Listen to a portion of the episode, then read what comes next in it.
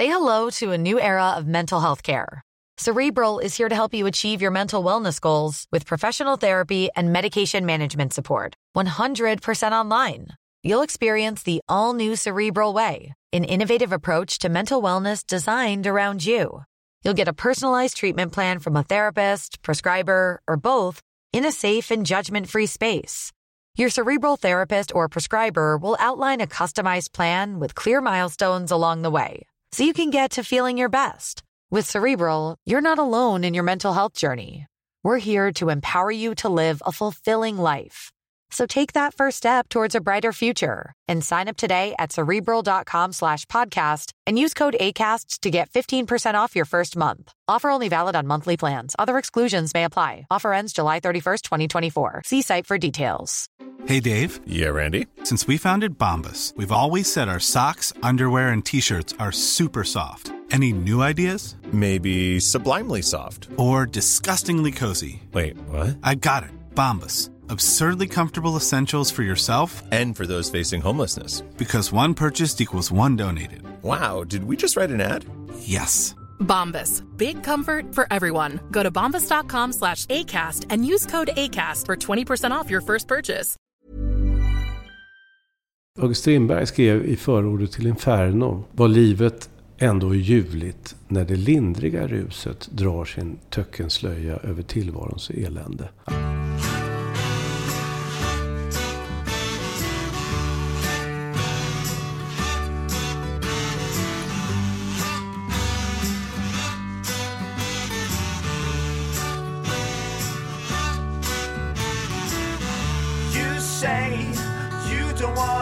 Talk about it. You may rather be choking on it today, whether you like it or not. The words come stumbling out. The next stop's where I get off. Hej och välkomna till det 16 avsnittet av veckans samtal. Idag tillsammans med Steffo Törnqvist.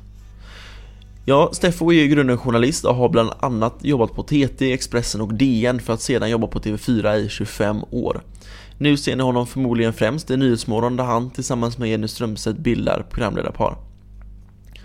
Innan vi drar igång dagens avsnitt så vill jag passa på att tacka Nadim. Det är nämligen han som har gjort min nya omslagsbild till podden. För att kika lite på vad han gör eller till hans kontaktuppgifter så är det bara att gå in på nadimphotography.com eller titta in hans Facebook-sida som heter samma. Jag vill, eh, när jag ändå är igång, även tacka Johan Stenström och Jim and Pat Garrett Show som har gjort den så härliga vignettmusiken. Om ni vill höra mer av dem så är det bara att gå in och lyssna på dem på Spotify. Nu rullar vi avsnittet med Steffo Törnqvist. The next stop's where I get off. Hur mår eh, Steffo Törnqvist? Tackar, tackar. Jag mår eh, ganska utmärkt nu när hälen har läkt. Jag har ganska nyligen opererat en hälsena och ett hälben. Och då har jag hoppat omkring lite på ena benet bara. Men nu är jag bra igen. Var det något speciellt som hände eller varför? Eh, Det troliga är att det var slitage från framgångsrikt dansande i tävlingen Let's Dance. Där jag kanske hade inte riktigt ens drömt om att komma till start. Men det gjorde jag. Och inte bara det, jag gick till final också. Så det slet så in i helvete. Så att eh, hälsenan sprack.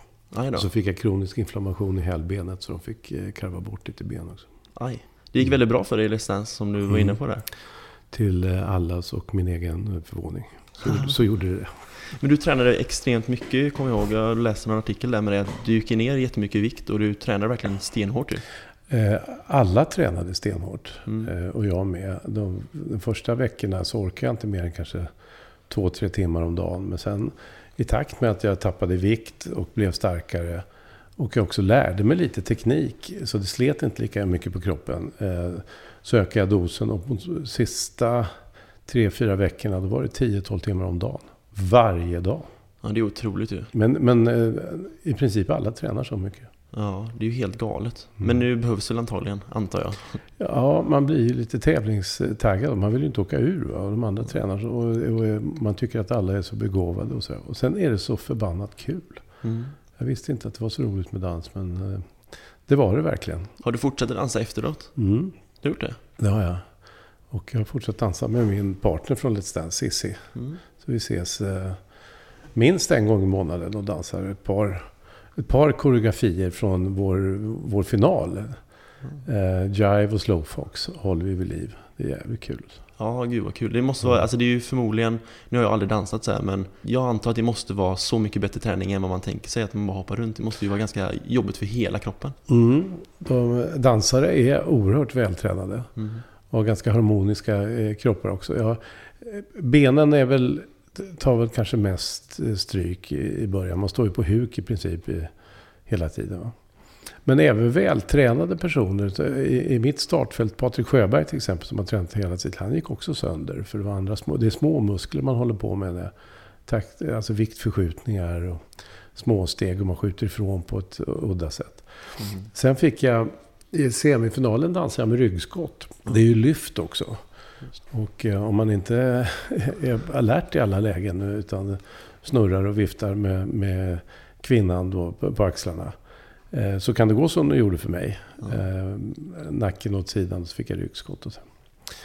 Ja, det, är, det är ingen lek det där. Hur känns det att stå där i TV liksom? För det är ju extrema tittarsiffror också. Hur känns det liksom att gå ut och dansa? Nej, är det liksom det nervöst eller? Nej, Inte? Och, och det var det som var min eh, stora grej tror jag. Min enda fördel mot de andra var att jag har gjort ett, några tusen direktsända timmar. Och, och kände ingen nervositet utan bara lust och så.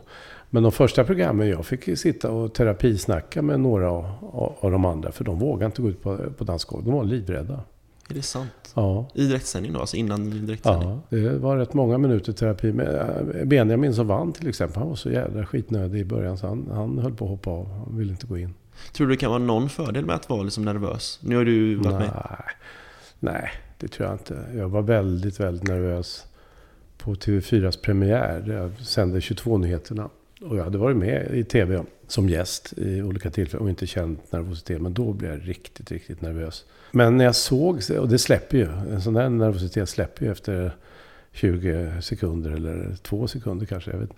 Ehm, Och så tittade jag på det där och, och upptäckte att det syns inte på mig. Och det hörs inte att jag var nervös. Och då, då faller ju själva idén. Det är ju det man är nervös för, att det ska synas att man är nervös. Och att man ska göra bort sig eller något sånt där. Eh, så att då halverades nervositeten eh, redan i program två. Och sen halverades det igen och sen försvann det. Och nu har det vänt till en, snarare en sorts lust och, och köra direktsändningar. Jag vill inte ha bandade program utan jag vill köra direkt för att det är kul om det händer något. Men nej, jag vet inte om nervositet är, är av godo i något läge. Jag undrar det. Jag tycker mest de, de gånger jag har känt någon sån, då har det hämmat snarare än... än. Jag, jag kan vara på tå och alert och i god form utan att vara nervös. Finns det något tips om man skulle känna nervositet som du exempelvis gav till dem i Let's Dance? Ja, det, det, det jag berättade för dem var att de eh, stora succéerna som jag tycker jag själv har upplevt i tv, när jag har fått som högst applåder och bäst betyg, det är när jag har gjort bort mig riktigt. Och det var ju det de var rädda för att göra bort sig. Så jag sa till dem att om ni gör bort er så blir det toppen. Och gör ni inte det så blir det också toppen, för då har ni inte gjort bort er.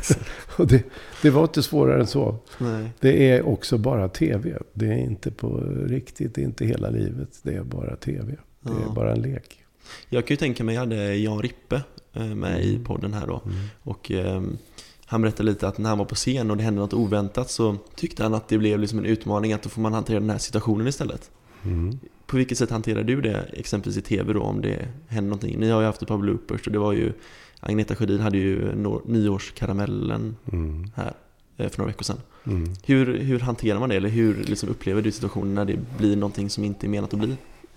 Men du vet, om vi bara utgår från Nyhetsmorgon som jag ju sänder två i veckan. Och det är drygt fyra timmar direktsändning. Så det är åtta timmar direktsändning i veckan. Det händer ju hela tiden saker som vi inte har planerat. Eh, Och vi vill det. Därför att det, då lever programmet. Om vi, om vi skulle följa ett manus, en kronologi eh, och veta exakt i förväg. Det, det skulle vi inte klara av heller. För man, man klarar inte av att plugga in fyra timmar exakt eh, program i förväg. Och det skulle också vara eh, tråkigt. Så att det jag kan och det jag är väldigt vältränad på. Eh, det är att klara av överraskande situationer. Och det märks också för att eh, jag arbetar ju inte bara på TV4. Utan jag är också föredragshållare och moderator och så. Och jag märker ju det att eh, tv-rutinen av detta är otroligt användbar i de situationerna också. Det, att vara moderator är ungefär som en direktsändning. Och jag, jag vill ha överraskningar och oförutsägbara eh, situationer och sånt där. Det, det blir bra. Det blir bättre skulle jag säga än om allting är en räkmacka. Men om du sitter då på TV4, morgonsoffan där, Mm. och så ska du ha en gäst och så händer någonting oväntat. Gästen kanske inte kommer. Gästen kommer inte. Mm. Har ni någon liksom reservplan att det här gör vi om någonting händer? Eller improviserar ni bara? Vi improviserar. Vi försöker ju... Vi har ju små pauser under nyhetssändningarna och reklampauser då vi kan, eh, vi kan diskutera, Jenny och jag, min, min softpartner och en redaktör som jobbar då för dagen. Hur räddar vi det här läget? Kan vi, kan vi flytta om någonting? Vi kan, jag är ständigt uppkopplad på TT, vi har alla tidningar framför oss. Har det hänt något så kan vi göra en snabb telefonare. Och sådär. Men det är ju den eh, journalistiska erfarenheten och styrkan. Vi, vi är bra på det. Vi syr ihop programmet och vad som än händer. Hur mycket research ligger det bakom eh, gästerna ni träffar? Vi har ju dels en eh, daggrupp kan vi kalla det. Som rekar gäster åt oss. Alltså researchers på redaktionen. Det är, jag vet inte hur många, hur många det är som jobbar eh, på dagen. Men låt säga att det är en sex sju stycken. Jag har då pratat med, med redaktörer innan. Vad, vad är det för ämnen som är på gång? Och jag har gett eh, mina tips på vilka vinklar. Jag har lagt in mina veton om det är några gäster som jag tycker är odugliga. Eller några vinklar som är kass och så. Jag, vi, jag och Jenny hinner ju inte förbereda programmen helt själva. Utan det, det måste till en, en grupp som förbereder. Och de eh, läser på så, så mycket de hinner och de förintervjuar så mycket de, de kan. Och sen skriver de ett researchunderlag till oss. Vi, eh, Eh, jag har ständig telefonkontakt under dagen eh, och bidrar med det jag kan. Eh, och sen har vi då ett avslutande telefonmöte vid fem på eftermiddagen med redaktörer och Jenny och jag. Och då spikar vi programmet. Kronologin går igenom ämne för ämne. Och sen sitter jag från fem till ungefär tio på kvällen. Så sitter jag på arslet här framför datorn och läser på. Och kompletterar med egen research. Och, och den är ju ofta efter... Jag är ju snart 60 år och har en lång erfarenhet i branschen. Jag har ju rätt mycket research här själv i datorn och inte minst i skallen. Jag har ju träffat de flesta av våra gäster tidigare. Mm. Är de makthavare i någon form så har jag ju träffat dem hur många gånger som helst tidigare. Och, så, och då vid tio tiden så brukar jag titta på sena nyheterna från sängen och försöka sova. Och sen går vi upp och ses vid fyra på morgonen. Och eh, har det hänt något under natten? Ska vi ändra någonting? Och komplettera med några frågor och sådär. Du sover bara sex timmar då? Ja, nej, det är så mycket sover jag. Jag sover snarare fyra, fem timmar på natten. Jag, jag kan ju inte somna tio. Jag tittar ju på nyheterna först. Och sen tar det en stund att somna. Så jag somnar kanske elva då. Och går upp strax över fyra ofta. Men sen eh, när vi har sänt så är det slut klockan tio. Vi har något möte och, och går igenom. Har vi gjort något som är bra eller dåligt? Och vad ska vi göra till imorgon? Och sånt där. Så jag vill hemma kanske elva. Och då försöker jag sova. Och då kan jag sova en halvtimme, ja, tre kvart. Det känns ju som att det är, i alla fall för mig, att det är liksom ett drömjobb nästan. Tycker Mm. du själv att det är ett drömjobb? Ja, på sätt och vis gör jag det. Eh, om man är allmän intresserad murvel, eh, och det är jag. Jag gillar politik, jag gillar kultur, sport, eh, mode. Jag gillar en jävla massa saker. Och så tycker jag om att ha kul på jobbet. Och det, är- det är ett fantastiskt roligt eh, gäng att jobba med. Eh, Och Jenny som är min partner nu sedan tio år. Vi går in på tionde år. till- tillsammans. Jag tycker jättemycket om henne och har stor respekt för henne. Och vi, vi är goda lekkamrater också förutom att eh, vi är bra arbetskamrater. Eh, då finns det nog inget bättre jobb, tror jag. Eh, men tiderna är ju förjävliga. Alltså. Men det går inte att vänja sig vid att gå upp så här tidigt. Nej, det är så. Och det är ett ganska högt socialt pris för att onsdagskvällar och torsdagskvällar eh, ryker helt egentligen. Eh, och jag är trött eh, på fredagskvällar. Och det där dygnsrytmen hänger i så jag vaknar jävligt tidigt på lördagar och söndagar också. Så det är ett ganska högt socialt pris. Är det. Jag har hållit på nu, jag går väl in i min vad är det, 29 eller 30 säsong eller något sånt där. Har du tappat många vänner på det? Att du jobbar som du gör?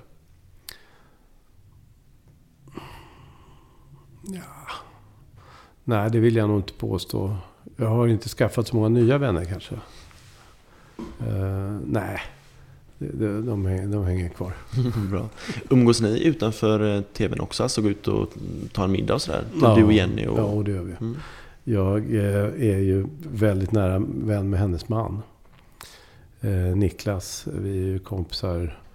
Eh, inte vet jag. Det är 30-40 år sedan vi träffades. Och eh, jag är gudfar till Niklas son Simon exempelvis. Vi har, vi, Nicke och jag har en mycket längre relation än vad Jenny och Nicke har. Jag hävdar ju till och med att det var jag som tussade ihop dem och att de, och att de eh, blev ihop eh, rent kroppsligen på min s- sommarställe ute i skärgården. Men det, det förnekar de, men, Okej. men det är min åsikt. Ja, vi umgås eh, privat också. Bidrar det med någonting till programmet tror du? Ja, På vilket sätt då? Nej, att, vi, att vi tycker om varandra på, på det sättet att det inte bara är professionellt. Utan det, vi kanske är lite rädda om varandra. På ett sätt som man inte är annars möjligen. Jag känner mig genuint eh, glad över Jennys framgångar. Och jag tror att hon gör detsamma. Vi, vi, har, vi unnar varandra att ha kul och ha det bra. Och, så där. och det hade vi kanske inte gjort om vi inte hade varit nära kompisar också. Men kände ni varandra innan också? Nej, inte särskilt väl. Utan Jenny började på TV4. Hon satt i receptionen och svarade i telefon. Eh, Och då såg jag henne och så gjorde hon lite barnprogram och lite debattprogram och var eh, lite yvig och, och, och långa ben och sådär. Det var jag som föreslog att vi skulle jobba ihop, eh, eller testa. Jag testar eh, de, de nya som ska börja ofta. Jag är ju eh, äldst i gården. Jag hade jobbat i fem år ungefär med Anna Lindmarker som, som parhäst i början. Och hon skulle få barn och jag kunde inte fortsätta på Nyhetsmorgon. Och då ville jag prova igen. Jag, hade, jag fattar, jag, jag vet inte, jag kan inte förklara det riktigt. Men jag, på något sätt hade jag sett att hon hade en jävla talang. Och att det fanns också... Hon hade inte visat särskilt mycket humor. Annat än i barnprogram. Men det, det som jag tycker är, är, är vår storhet om vi, om vi nu har någon som par. Det är att vi kan blanda det djupaste allvar med, med fjanterier. Det finns ingen konflikt däremellan att vara en så absolut seriös och eh, ambitiös eh, journalist som man bara kan. Eh, och att vara en fåntratt. Det, det, det går att kombinera det. Och hon Mm. har de sidorna och, eh, och, och jag tycker vi kompletterar bra där. Har det varit någon gång då ni har, jag ska inte säga tramsat, men liksom en liten rolig stund och sen så direkt blivit tvungen att gå över till högsta allvar på morgonen? Så är det ju hela tiden i vårt program- program. Och det är också idén med programmet att vi ska kasta oss mellan olika känslolägen. Mm. Vi kan exempelvis eh, diskutera eh, bulimi och ha två eh, drabbade i studion. Eh, för att därefter gå till middagstips. Mm. Så kan det vara. Mm. Och då, då, det är en av eh, svårigheterna med jobbet. Att då eh, i minspelet, i, i känslan, i attityden visa respekt för båda ämnena. Ja, det, det är inte så jävla lätt som det ser ut. Nej, men det är just det jag tänker att det borde vara så mycket svårare än vad man tänker sig. Ja. Och speciellt när man sitter där, jag dricker alltid kaffe till eh, Nyhetsmorgon Mm. innan jag ska iväg till skolan. Då. Mm. Eh, och då tänker jag så här, fan det här skulle vara så jävla kul, men det är nog så mycket svårare än vad man tänker sig att man själv skulle kunna göra. Det är ett sånt jobb som inte... eh, Om man utför det riktigt, riktigt skickligt och är man väl förberedd, ambitiös, så ser det väldigt enkelt ut.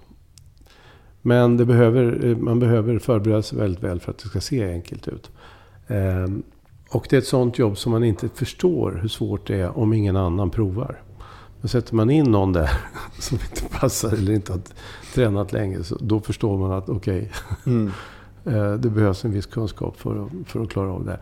Det är, det är svårt. Alltså, du sitter med eh, finansministern, kanske har lagt en budget. Ja, du pratar med den. Sen kommer det en författare som har släppt en bok, kanske en Nobelprisvinnare. Då ska du prata med den. Och så kommer det någon som just har fått en eh, dödlig diagnos kanske. Då ska du prata med den. Och så är det någon som skrapar triss och vinner tre miljoner. Eh, och så har du två gäster plötsligt som är så livrädda som eh, kräks innan. Då ska du ta hand om dem. Så det, det spretar åt alla håll. Mm. Och det är inte jättelätt att hitta bra eh, programledare för det här. Det, det finns många, många som är duktiga på politik. Det finns många, många som är duktiga på sport. Det finns många, många som är duktiga på nöje. Men det finns inte så många som, som klarar av allt. Hur tillskansar du dig själv information då? För du måste ju vara, eller jag antar att du är väldigt allmänbildad. Det går inte att undvika att bli det om man har varit journalist så länge. Jag läser ju väldigt många tidningar och, eh, och böcker och följer med i debatter. Och, det, det är inga eh, mirakelmediciner utan det är, det är att hänga med. Om jag skulle kasta upp ett ämne här, skulle du kunna plocka ner det tror du? Jag kan nog prata om vilka ämnen eh, som helst. Jag kan hitta en form att prata för. Är, det, är det någonting som jag inte har en susning av om, så då kanske jag associerar och säger att det är ett annat ämne som jag inte har susning om. Och så, och så klarar jag av att prata om det. det skulle, annars skulle man inte kunna vara programledare i ett sånt program om man inte grejer det. Det är lite som politiker då. De brukar ju också kanske prata Mm. runt ämnen. Det finns likheter. The next stop's where I get off. Är det någon slags jargong på eh, TV4? Jag har jobbat själv krog i många år och det är ju en extrem jargong där. Finns det något liknande i TV-yrket?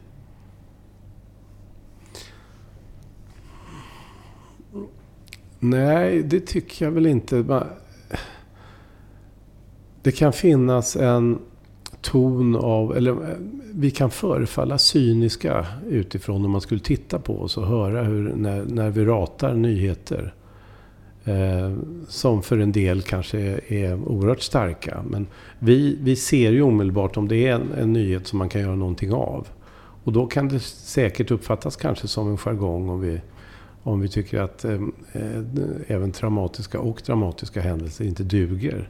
Men det, det är snarare en, en yrkesprocess. Ehm, jag upplevde mycket, mycket, mycket mer jargong på Expressen när jag var där. Eller också Dagens Nyheter eh, när jag var där. Än vad jag gör på TV4. Men nu är jag inte där så mycket eh, på dagtid. Utan jag kommer tidigt på morgonen. Jag sänder programmet. Eh, är med något, på något möte. Sen går jag hem. Så det, jag är inte kanske den som är främst, främsta bedömaren av jargong, Nej. tillgången på TV4. Men Men kan det ändå hända att, liksom att du testar, om det är någon ny medarbetare, kan du testa personen på något sätt? Om den pallar trycket? ja, fast det vet jag inte om det är en jargong. Nej, kanske inte. Jag har hört, eller för, jag har fått det tillsagt till mig att jag kan vara tuff som fan på jobbet. Och det vet jag att jag kan, men det är jag inte bara mot nybörjare. Och det är ingen plantskola till fyra, det är på riktigt. Och det är otroligt krävande att sitta i rutan och, och eh, du vet, vi säger hej och välkommen till en gäst. Och så säger jag, ja, du har, är ju nu generaldirektör på, på det här verket. Nej, det är jag inte, säger gästen. Researchen har varit fel. Mm. Det, det underlag vi har fått har varit fel. Jag blir galen. Mm. Jag blir galen. Eh, Det är deras eh, förbannade uppgift att, ha det där rätt. Och börjar man en sån intervju, då kan man lika gärna, på det sättet kan man lika gärna skita i ämnet och gästen. För man hämtar aldrig hem det. Nej. Och det är vi som sitter där. Så att, eh, ibland så eh, skäller jag ut någon eller, eller är sträng.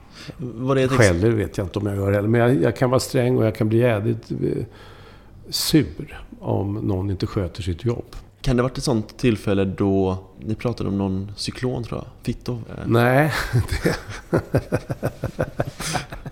Nej men det var ju Jennys fel. Men var det hon som sa fel då? Det stod inte fel i manus? Nej, vi hade...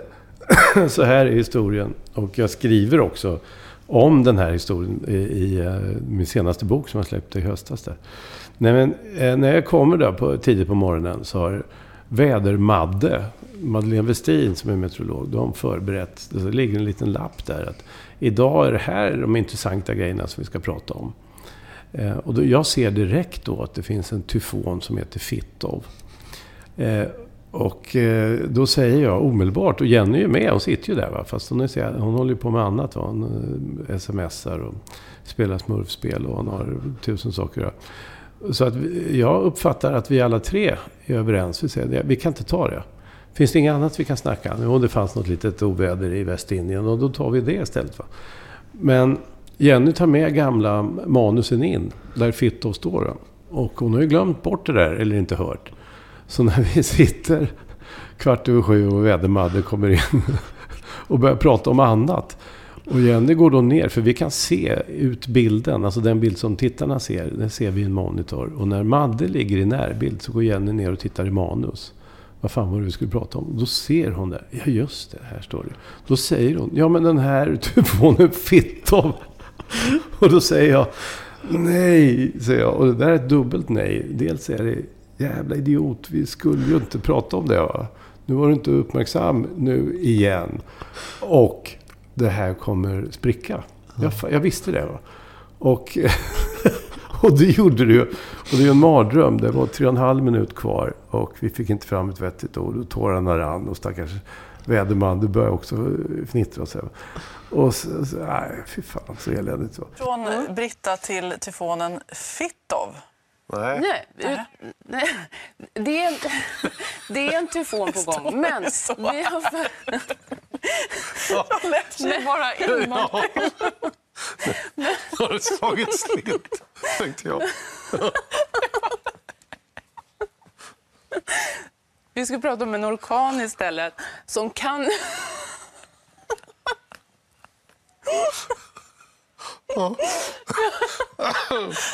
Nu gråter ju ni av skratt. Eh, upp mot... ehm, Hemskt.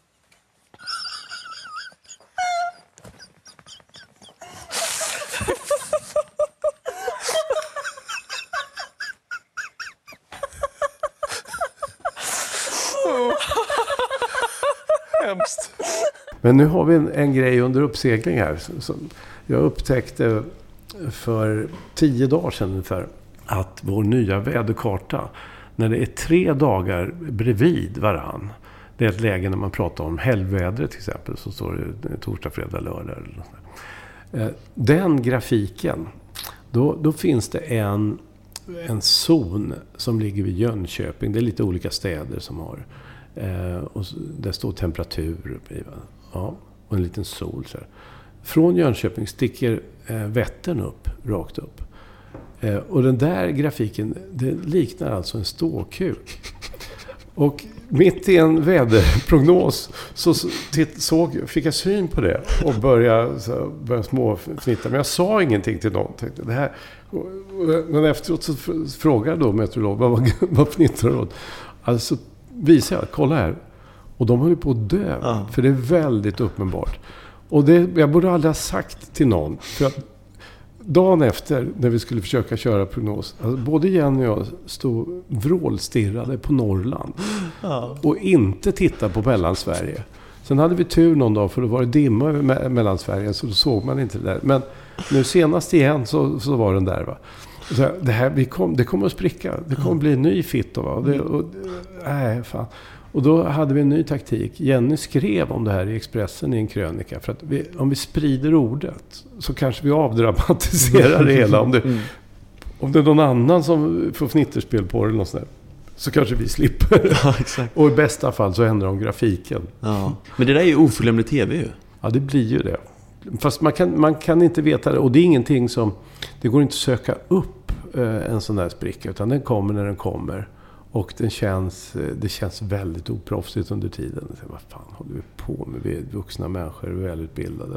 Ja, fast samtidigt så det gör ju mänskliga liksom. Alltså, Jo, jo, jo. Men du ska sitta där själv och, och få totalt fnitterspel. alltså. Jo men det är ju härligare att man skrattar åt det än att man liksom Ja. går och åmar sig över det en vecka. Liksom. Ja, det, alltså, det, nej, det, det utbryter ingen ångest. Eh, Det gör det inte, men det är lite oproffsigt att sitta i tre och en halv minut och inte kunna bryta det. The next stop's where I get off. Om du själv skulle få beskriva vem Sefo Törnqvist är, hur skulle du beskriva dig själv då?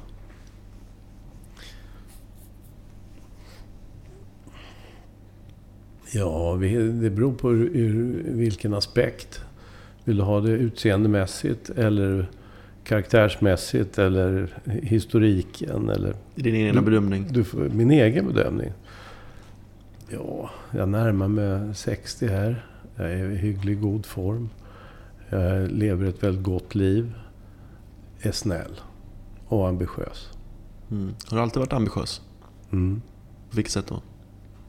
Jag har alltid jobbat hårt och av någon sorts respekt både för mig själv och omgivningen, eller det jag har haft med att göra. Så tycker man, eller har jag alltid tyckt att jag ska göra bra ifrån mig. Och det kanske har varit viktigt att göra bra ifrån sig av andra skäl också. Men jag har inte känt någon press på mig så. Men jag har varit ganska duktig. Jag var bra i plugget och eh, har ju gjort bra karriär hela tiden och skrivit massa böcker och varit rätt lyckosam yrkesmässigt. Och det, det är ingen särskild eh, extrem talang utan det är hårt arbete. Har du alltid vetat var du velat komma någonstans? Nej, det, det var en slump exempelvis som gjorde att jag blev journalist. Jag var gymnastiklärare eh, i ett tidigare liv. Det var min första examen var på GH.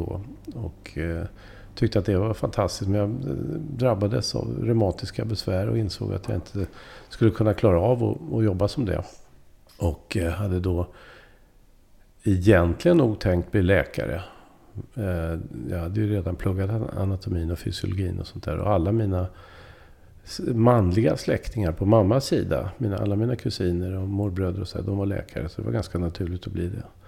Men så var det min bästa kompis då, eh, Lennart Ekdahl, som var. How would you like to look five years younger? In a clinical study, people that had volume added with Juvederm Voluma XC in the cheeks perceived themselves as looking five years younger at six months after treatment. Look younger, feel like you. Add volume for lift and contour in the cheeks with Juvederm Voluma XC. Reverse signs of aging by adding volume to smooth laugh lines with Juvederm Volure XC. For important safety information and to find a licensed specialist, visit juvederm.com. That's J U V E D E R M.com. Not for people with severe allergic reactions, allergies to lidocaine, or the proteins used in Juvederm. Common side effects include injection site redness, swelling, pain, tenderness, firmness, lumps, bumps, bruising, discoloration, or itching. There's a risk of unintentional injection into a blood vessel, which can cause vision abnormalities, blindness, stroke, temporary scabs, or scarring. Talk to a licensed specialist to find out if it's right for you. Hey, Dave. Yeah, Randy. Since we founded Bombus, we've always said our socks, underwear, and t shirts are super soft. Any new ideas? Maybe sublimely soft. Or disgustingly cozy? Wait, what? I got it. Bombus. Absurdly comfortable essentials for yourself and for those facing homelessness. Because one purchased equals one donated. Wow, did we just write an ad? Yes. Bombas. Big comfort for everyone. Go to bombas.com slash ACAST and use code ACAST for 20% off your first purchase. Millions of people have lost weight with personalized plans from Noom. Like Evan, who can't stand salads and still lost 50 pounds. Salads generally for most people are the easy button, right? For me, that wasn't an option. I never really was a salad guy. That's just not who I am. But Noom worked for me. Get your personalized plan today at Noom.com. Real Noom user compensated to provide their story. In four weeks, the typical Noom user can expect to lose one to two pounds per week. Individual results may vary. Eh, journalist och fortfarande är eh, en av Sveriges bästa journalister. Han sa det, du, fan, du borde bli journalist som du tänker och, och agerar och är så intresserad som du är av, av samhällsfrågor. Jag hade aldrig haft det i tanken. Jag skickade iväg egentligen en ansökan och jag gick på de här intervjuerna som det var på den tiden. Och sen drog jag iväg till eh, England, ställde om posten till mina föräldrar. Och vid något tillfälle när jag ringde hem, det var inte mobiler då på den tiden, när jag ringde hem. Så säger mamma det att det har kommit ett svar här från Journalisthögskolan. Ja, öppna det och så gjorde hon det. Ja, du har kommit in. Ja, tacka ja då, sa jag. Och eh, bara dagen efter så kom svaret från Karolinska. Jag hade kommit in där också. Så hade mamma öppnat det kuvertet mm. först så hade jag sagt, ja men tacka ja då. Så då hade jag blivit läkare istället. Kan du ångra det idag på något sätt? Inte ett dugg. Nej. Inte en eh, tänkbar patient ångrar sig heller. jag hade nog varit rätt oduglig som, som läkare tror jag. Hur tog du vidare från eh, Journalisthögskolan då? Jag tyckte att eh, utbildningen på Journalisthögskolan var mycket bättre än eh, GH. Även om GH hade oändligt mycket högre status på, på den tiden. Så var det en hyggligt oduglig skola om det gällde att man skulle bli lärare. Och det gjorde det ju. Man blev duktig eh, idrottstränare. Och, och en del annat blev man duktig på. Men särskilt bra lärare blev man inte av utbildning på, på den tiden jag gick på GH. Medan jag tycker att eh, Journalisthögskolan förberedde en för yrket på ett sätt.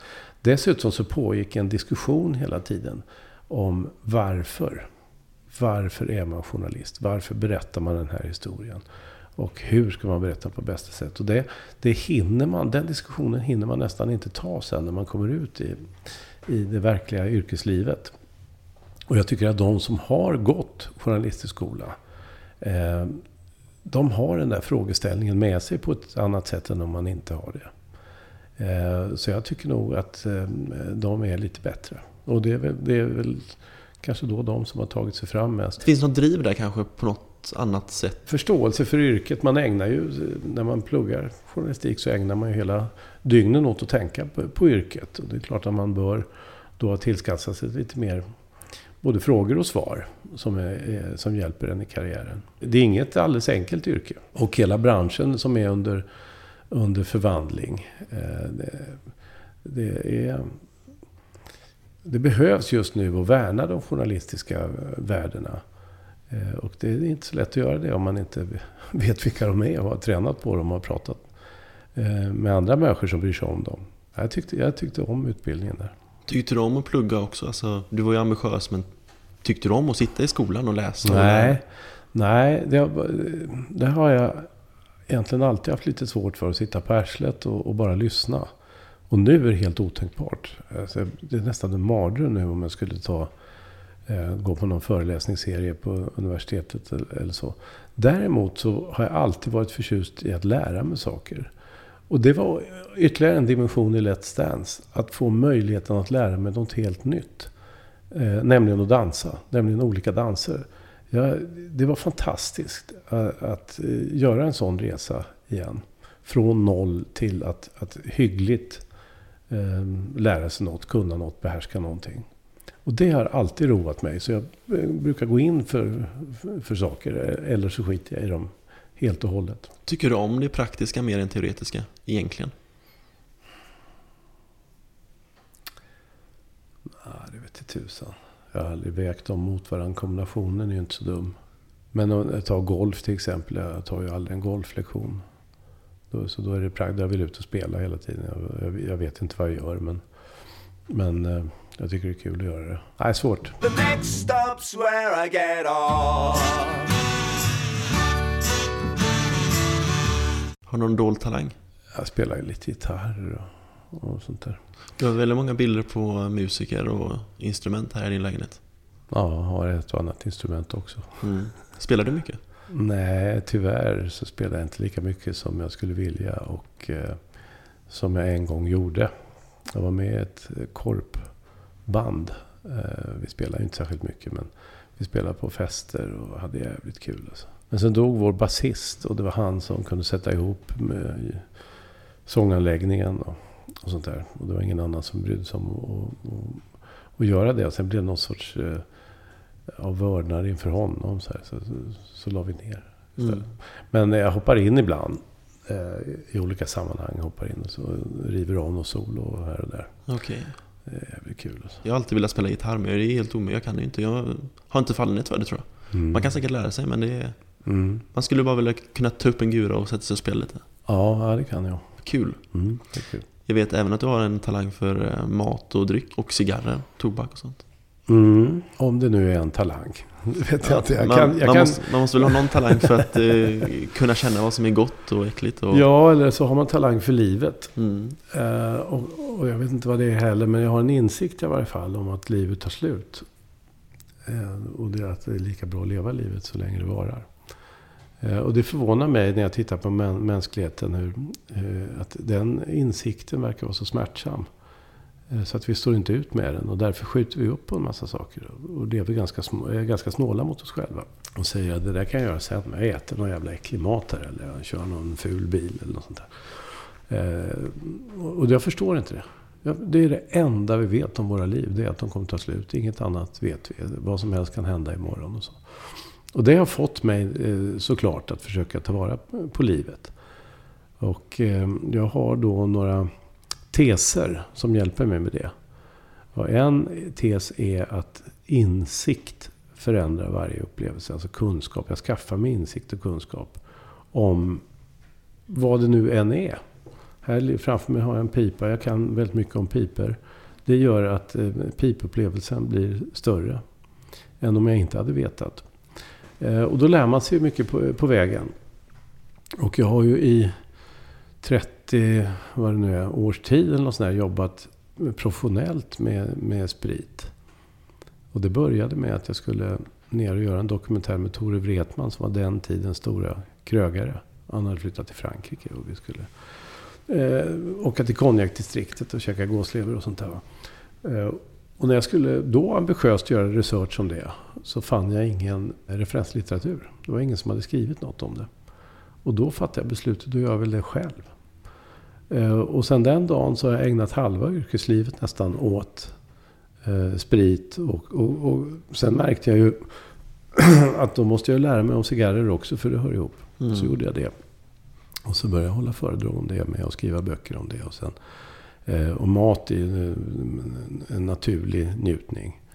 Naturligtvis. Ja, så jag har gjort någon kokbok med Leif Mannerström. Och har egna recept i olika andra böcker. Jo, men det är väl... Eh, är det talang? Jag vet inte. Ja, jag det är väl livet. Jag har jobbat i bar många år och jag kan ju mm. känna lite att, att man har kanske inte talang men någon fallenhet för att veta vad, vilka smaker som går ihop exempelvis. Mm. Och kanske att man kan ha en, även om jag inte tycker om cigarrer, men man kan ha en god cigarr med någon ton och någonting till en härlig rom exempelvis. Mm. Um, Fast man lär sig ju mönstret. Man vet att sött eh, kan möta sött. Mm. Eller också kan man clasha. Va? Sött och surt och sådär. Så man, man, det finns ju ett system i det där som man, som man lär sig. Ett enkelt system är också var växer råvarorna? Ja, rom som du nämnde. Ja, det, ja, Västindien odlar socker. Ja, det gör de med tobak också. Ja, det borde funka. Mm. Så det finns små sådana där regler som man kan hålla sig till. Och sen handlar det lite grann om, om träning naturligtvis. Men också självförtroende. Att inte jamsa med om någon säger att det här är, det här är jävligt gott. Så tycker man inte det. Eh, många som säger gott förväxlar det med att det är dyrt. Mm. Till exempel en exklusiv råvara eller sånt där. Eller att det är någon känd kock som har gjort det eller så. Men är det inte gott så är det inte gott. Nej. Tycker du om vin generellt sett mycket också? Ja, det gör jag. Oh, ja. Vad för vin är det då? Är det franskt eller är det? Om, om jag under tortyr tvingas nämna ett land, ja då blir det Frankrike.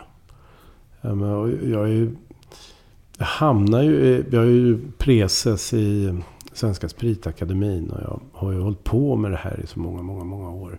Så jag får ju möjlighet att, att besöka vingårdar eller, eller provsmaka på sånt som jag naturligtvis inte har råd att köpa själv. Jag, kan, jag har ju druckit vin för hundratusentals kronor och sånt där. Och en del av dem är ju bara eh, dyra därför att det, det, bara finns en flaska kvar. Alltså tillgång och efterfrågan bestämmer pris. Men, men en del är ju eh, svindyra av andra skäl. Alltså om man druckit några Romani Conti eller Latache eller något sånt där. Så det är ju satans gott naturligtvis.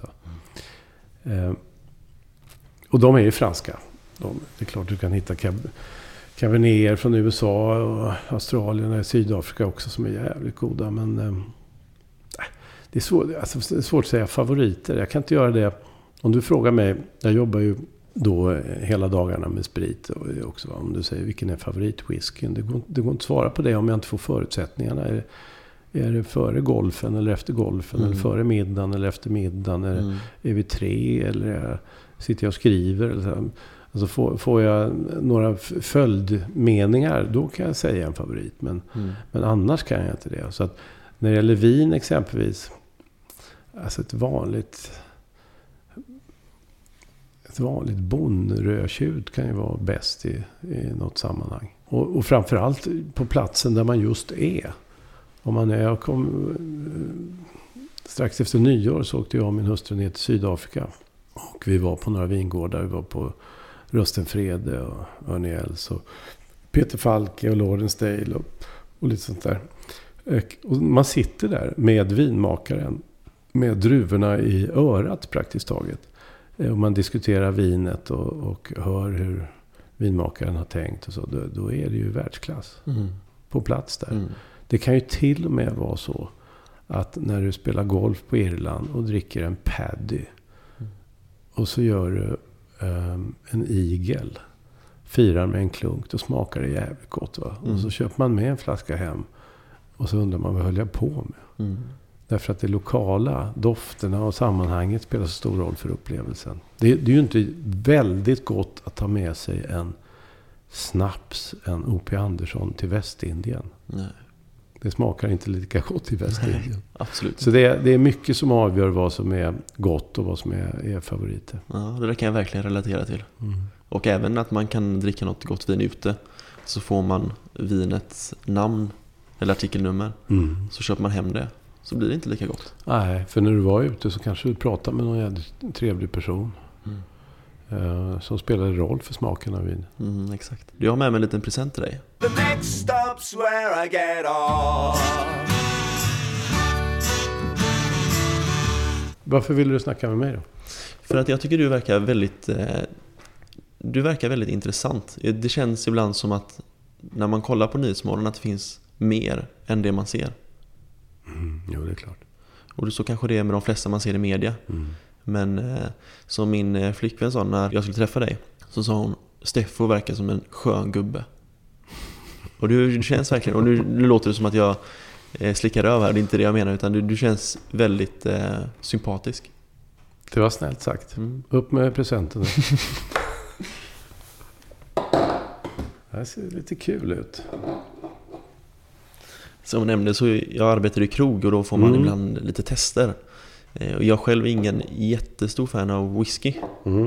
Så jag har haft de här hemma och då tänkte jag att eh, i och med att jag vet att du är intresserad så kanske det är till bättre användning. Ja, kul. För det är både rye och bourbon här. Alltså vi får ju ibland känslan av att det bara är här i Sverige som intresset för sprit exploderar. Men det är det ju inte. Ta de här då som har amerikansk eh, härkomst en del. När jag började intressera mig så jag åker till New York eh, helst varje år. Och så blir det ju inte, men helst varje år. För jag tycker att det är en fantastisk stad och man känner sig uppdaterad. Man blir lite klokare i New York. Då har jag en speciell spritbutik där. De är jävligt kunniga. Eh, och så går jag alltid in där och tittar vad, vad som är nytt och pratar med dem och så. Och första, första åren så var det en hylla bara med, med bourbon. Och, och vi kan kalla det, eh, för att folk ska ha en, en, en aning, kanske en, en billig hylla. En sån här billig IKEA-grunka. Nu är det fem. Mm. Så det har exploderat där med, med små destillerier och de, de hittar på roliga saker. Mm. Eh, vilket gör att det är omöjligt att hålla koll på allting. Men det är jävligt roligt. Va? Mm. Och folks intresse och folk, man höjer sin lägsta nivå på det, på det man dricker. Och, och. Mm. Det är en av stora, tycker jag, eh, intressanta utvecklingarna just nu i Sverige. Det är på ölsidan. Mm, ja, verkligen. Med alla mikrobryggerier. Och de i sig tillverkar ju öl som, som berikar livet. Men de har också tvingat de stora producenterna att skärpa sig. Mm. Så även stora producenter gör mycket bättre öl nu. Mm. Och, och ibland små batcher också. Tack! Det Vars- var väldigt, väldigt, eh, du ska få en present av mig eh, innan du går sen. Jag har ytterligare en present. Och detta är på grund av att jag, jag inte röker och jag tycker inte om eh, tobak. Mhm. Helt enkelt. Mm. Men här är den. Och jag tänkte att den kunde vara lite bättre för dig också. Det är en cigarr. Jag vet inte exakt vilket märke det är, men det kanske du kan utläsa det. Ja, ska, dels ska jag plocka bort lilla pappret runt och så ska jag kolla i glasögon. Och det är, jag har inte mina bästa glasögon på mig så jag ser faktiskt inte vad det är. Den är torr. Ja, är den för torr? Om man hanterar den varsamt i en humidor, Mm. mm. får tillbaka fukten. Det, Mm. Det är först om täckbladet, alltså det yttersta bladet, har spruckit Mm. som man ska kasta cigarren. Mm, okej. Annars kan man eh, återfukta den. Och jag har sex humidorer här hemma. som jag kan välja mellan. Men lite olika. Och, alltså, målet är 70-71% luftfuktighet. Alltså, Ja. man, I sin humidor så simulerar man eh, klimatet på Kuba helt enkelt. Mm, okej. Vad man är ute efter. Okej, så där har de inga humidorer på Kuba? Nej, nej det behövs inte. Okej. behövs inte. Jag har hört att den, den ska vara god, men jag tror att jag har svårt att bedöma det. Ja, den är god. Den är också mörk. Och Mm. då tror folk att den är stark, men det är tvärtom. Den Mm. är söt. Då är det en så kallad sungrown. Alltså man har låtit solen exponera mot eh, eh, täckbladet. Och tobaksbladet. Och eh, om man vill ha den ljus, då spänner man väv över så att solen, de växer upp i skugga då istället. Va? Så att solen inte når. Okej. Då blir de ljusare. Och det är en del länder, i USA vill man ha ljusare, i Spanien vill man ha mörkare och sådär. Och folk tror då att det är mörk cigarr. Och fy fan, den måste vara riktigt stark. Men så är det inte. Det är bara, den är sötare bara. Den här är bra. Brukar du liksom dricka någonting till när du tar en cigarr? Mm. Vad dricker du då? Nej, nästan alltid. Eh, ja, det beror ju på vad det är för cigarr. Men det finns ju några typer av drycker som passar bättre än, än andra. Eh, rom som du nämnde är en. Eh, det finns väldigt bra romer till, till cigarrer. Konjak är en annan. Whisky är inte riktigt lika lätt Mm. eh, att kombinera. Men det går. Du kan inte ta en rökig, en Ayla whisky. Lagavulin eller Lafroig eller Ardbeg eller något sånt där. det, det är inte så bra. Utan du får ta en... Bäst är, tycker jag nog nästan en eh, sherryfatlagrad Speyside. Och få den sötman ur den. Mm. Kan gifta sig väldigt bra med, med cigarrer. Det måste vara kul att kunna sånt här. Mm, det, det är ju gott framförallt. Mm. ja, absolut. Men jag kan också tänka mig att, det, att man kanske kan ta liksom en liten kupa bara. Bara för att liksom komplettera smakerna. Ja, men jag, jag krökar ju inte. Nej, nej exakt. Det, det, det gjorde jag förr. Mm. Eh, Alltså gymnasietiden och några år när vi festade så krökade jag på ordentligt. Men jag kan inte påminna när jag var berusad Mm. senast. Jag dricker sprit kanske tre, fyra gånger i veckan. Men det är några, några fjutt centiliter. Liksom. Det, är bara smaken. Mm. Det finns, det finns ett väldigt trevligt citat. Strindberg. August Strindberg skrev i förordet till Inferno. Var livet ändå är ljuvligt när det lindriga ruset drar sin töckenslöja över tillvarons elände. Mm. Och det tycker jag är fint sagt. Och det, då är nyckelordet naturligtvis lindriga. Eh, och, det är ju kul om man känner precis när, när ruset börjar komma. När, när det blir lite ljusare. Blir lite fnittrigare och så. Men det räcker ju. Och det är patetiskt, tycker jag, att se berusade människor i min ålder. Eh, jag står inte ut med det. Jag orkar inte, jag orkar inte umgås med folk som är, är packade om man sitter på, på en middag eller något sånt där. Mm. Det går inte. Det är väl en mognadsfråga. Jag hoppas man, men det kanske inte är det. För att det finns ju fortfarande män och kvinnor i sexårsåldern som blir väldigt, väldigt berusade. Ja, det gör det. Men... eh, ja. eh, det gör det onekligen. Men de, har ju inte, de, de lider ju inte lika mycket av att umgås med, med sig själva. Eller likasinnade. Nej. Nej, men det är ju patetiskt när folk eh, inte är skärpta i huvudet och de upprepar och de blir fåntrattar. Va? Det, Mm. Jag har inte tid med det. Nej. Jag inte. Mm. Så det, de går bort till... Men jag vet inte det. De flesta som kommer fram och, och pratar eh, är ju inte så. Utan det är ju vettiga och, och, och trevliga människor och så. Nu är, nu är, är jag ju inte eh, ute sent på kvällarna i miljöer som jag normalt inte vis- vistas i. Så det, Mm. Det kanske räddar läget. Men är det mest positivt eller negativt att vara offentlig som du är? Det är avgjort mest positivt. Är det. Eh, jag kan ibland vara besvärad av uppmärksamheten.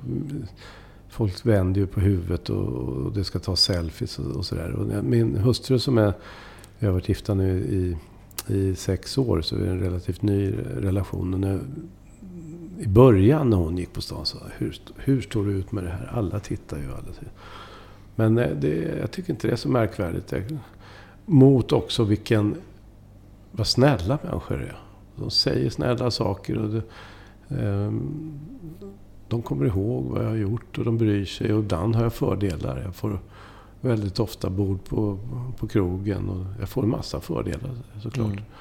Ehm, hade det inte varit så, hade obehaget väckt över, då hade jag ju bytt jobb.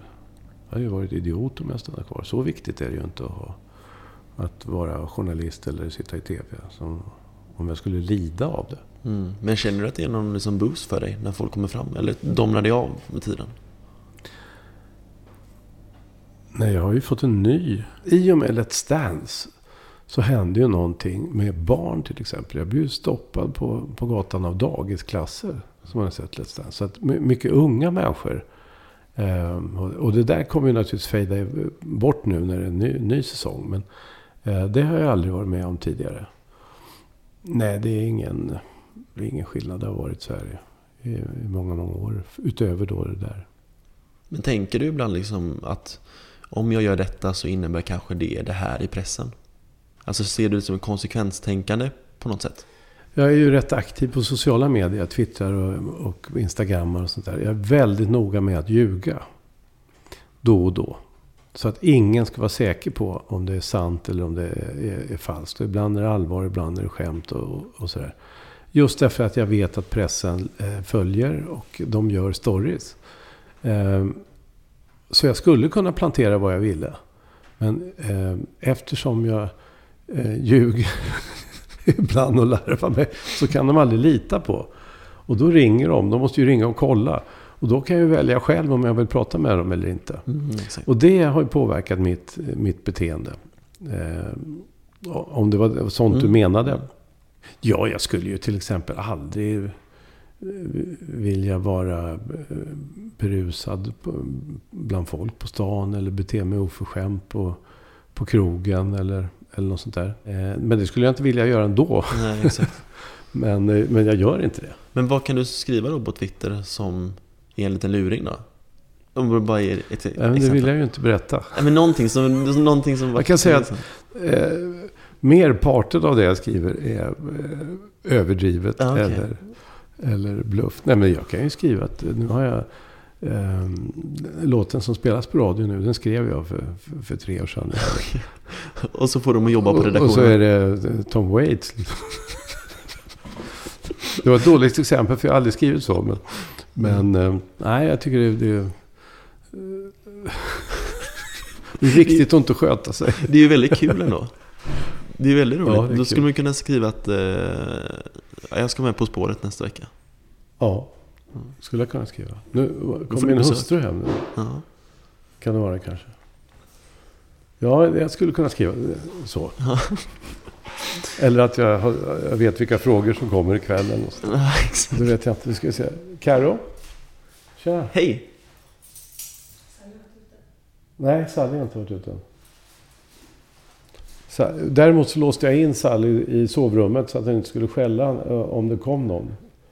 Eh, Du till exempel. Sally är min hund. Ja, Carro är min hustru. Ja. Hej Karo. Trevligt. The next stop's where I get off. Stämmer det att du brukar vara nere på Rivieran en hel del? Ja, eh, jag har en lägenhet på Rivieran i en liten eh, stad som heter Villefranche. Som ligger mellan Cannes och Monte Carlo. Alltså, det finns något som heter Gyllene Triangeln. Som är Cap Ferrat, Beaulieu och Villefranche. En, en liten otroligt vacker eh, stad.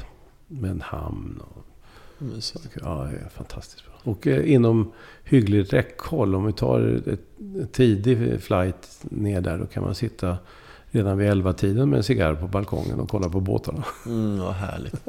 Har ni haft det länge eller är det nytt? Nej, inte länge. Det kan vara 7-8 år kanske. Hur mycket betyder det för dig att du har liksom det att åka till?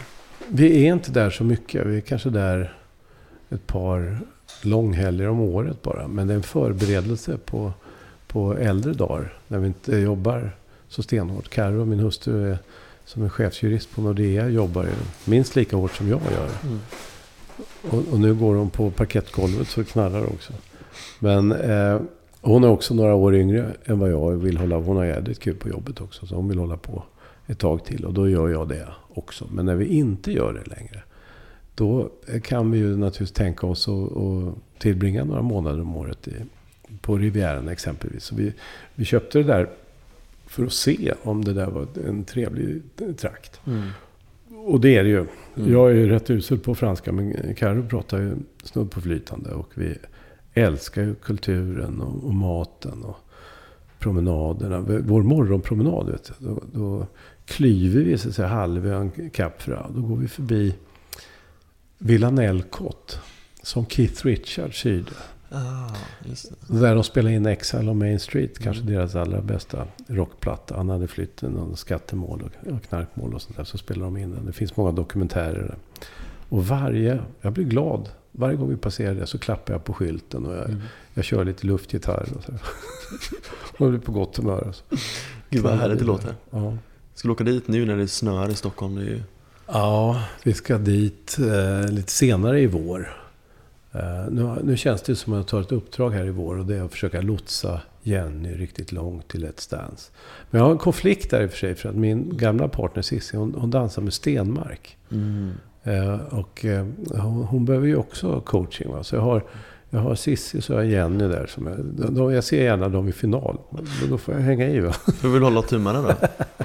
och få hålla tummarna. Och det, eh, nej, det hindrar inte att vi åker. Vi, vi ska ner någon gång här i mars, april. Och där. Skönt. Ja.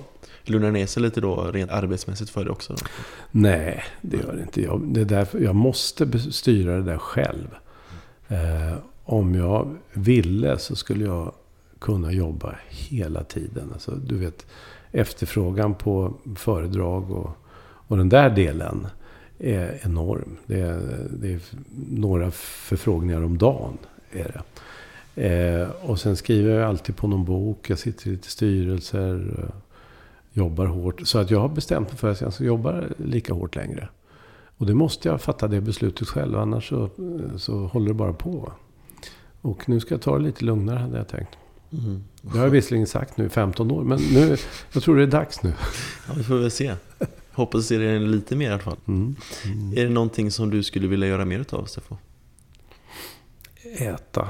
Mm. Om jag inte hade fallenhet för att eh, bli, blixtsnabbt bli fet. Alltså.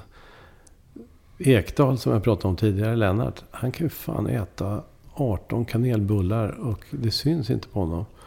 Och jag kan titta lite på en eh, wrapsemla och, och gå upp i vikt. Alltså.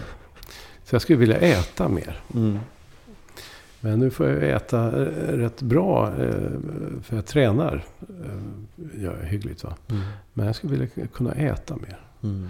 Sen gör jag, jag har manövrerat mig till en position i livet där jag gör ungefär det jag vill.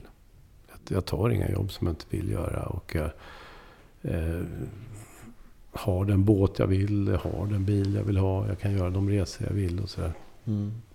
Jag läser de böcker jag vill, så jag har inte mycket att klaga på egentligen. Det känns skönt att höra på något sätt. Det känns ibland som att man själv är väldigt vilsen.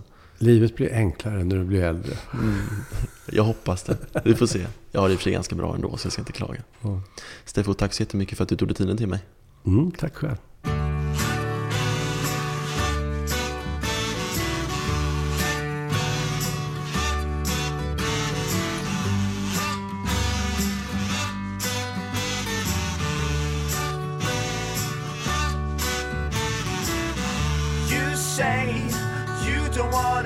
About it.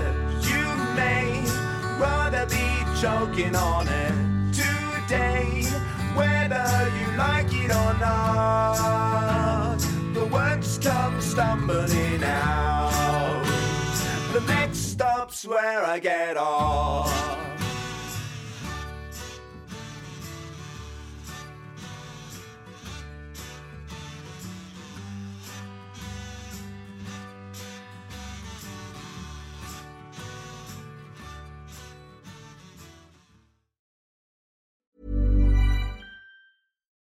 Botox Cosmetic, out of botulinum toxin A, FDA approved for over 20 years. So, talk to your specialist to see if Botox Cosmetic is right for you. For full prescribing information, including boxed warning, visit BotoxCosmetic.com or call 877-351-0300. Remember to ask for Botox Cosmetic by name. To see for yourself and learn more, visit BotoxCosmetic.com. That's BotoxCosmetic.com. Join us today during the Jeep Celebration event. Right now, get 20% below MSRP for an average of 15178 under MSRP on the purchase of a 2023 Jeep Grand Cherokee Overland 4xE or Summit 4xE. Not compatible with lease offers or with any other consumer incentive offers. 15,178 average based on 20% below average MSRP from all 2023 Grand Cherokee Overland 4xE and Summit 4xE models in dealer stock. Residency restrictions apply. Take retail delivery from dealer stock by 4 1. Jeep is a registered trademark.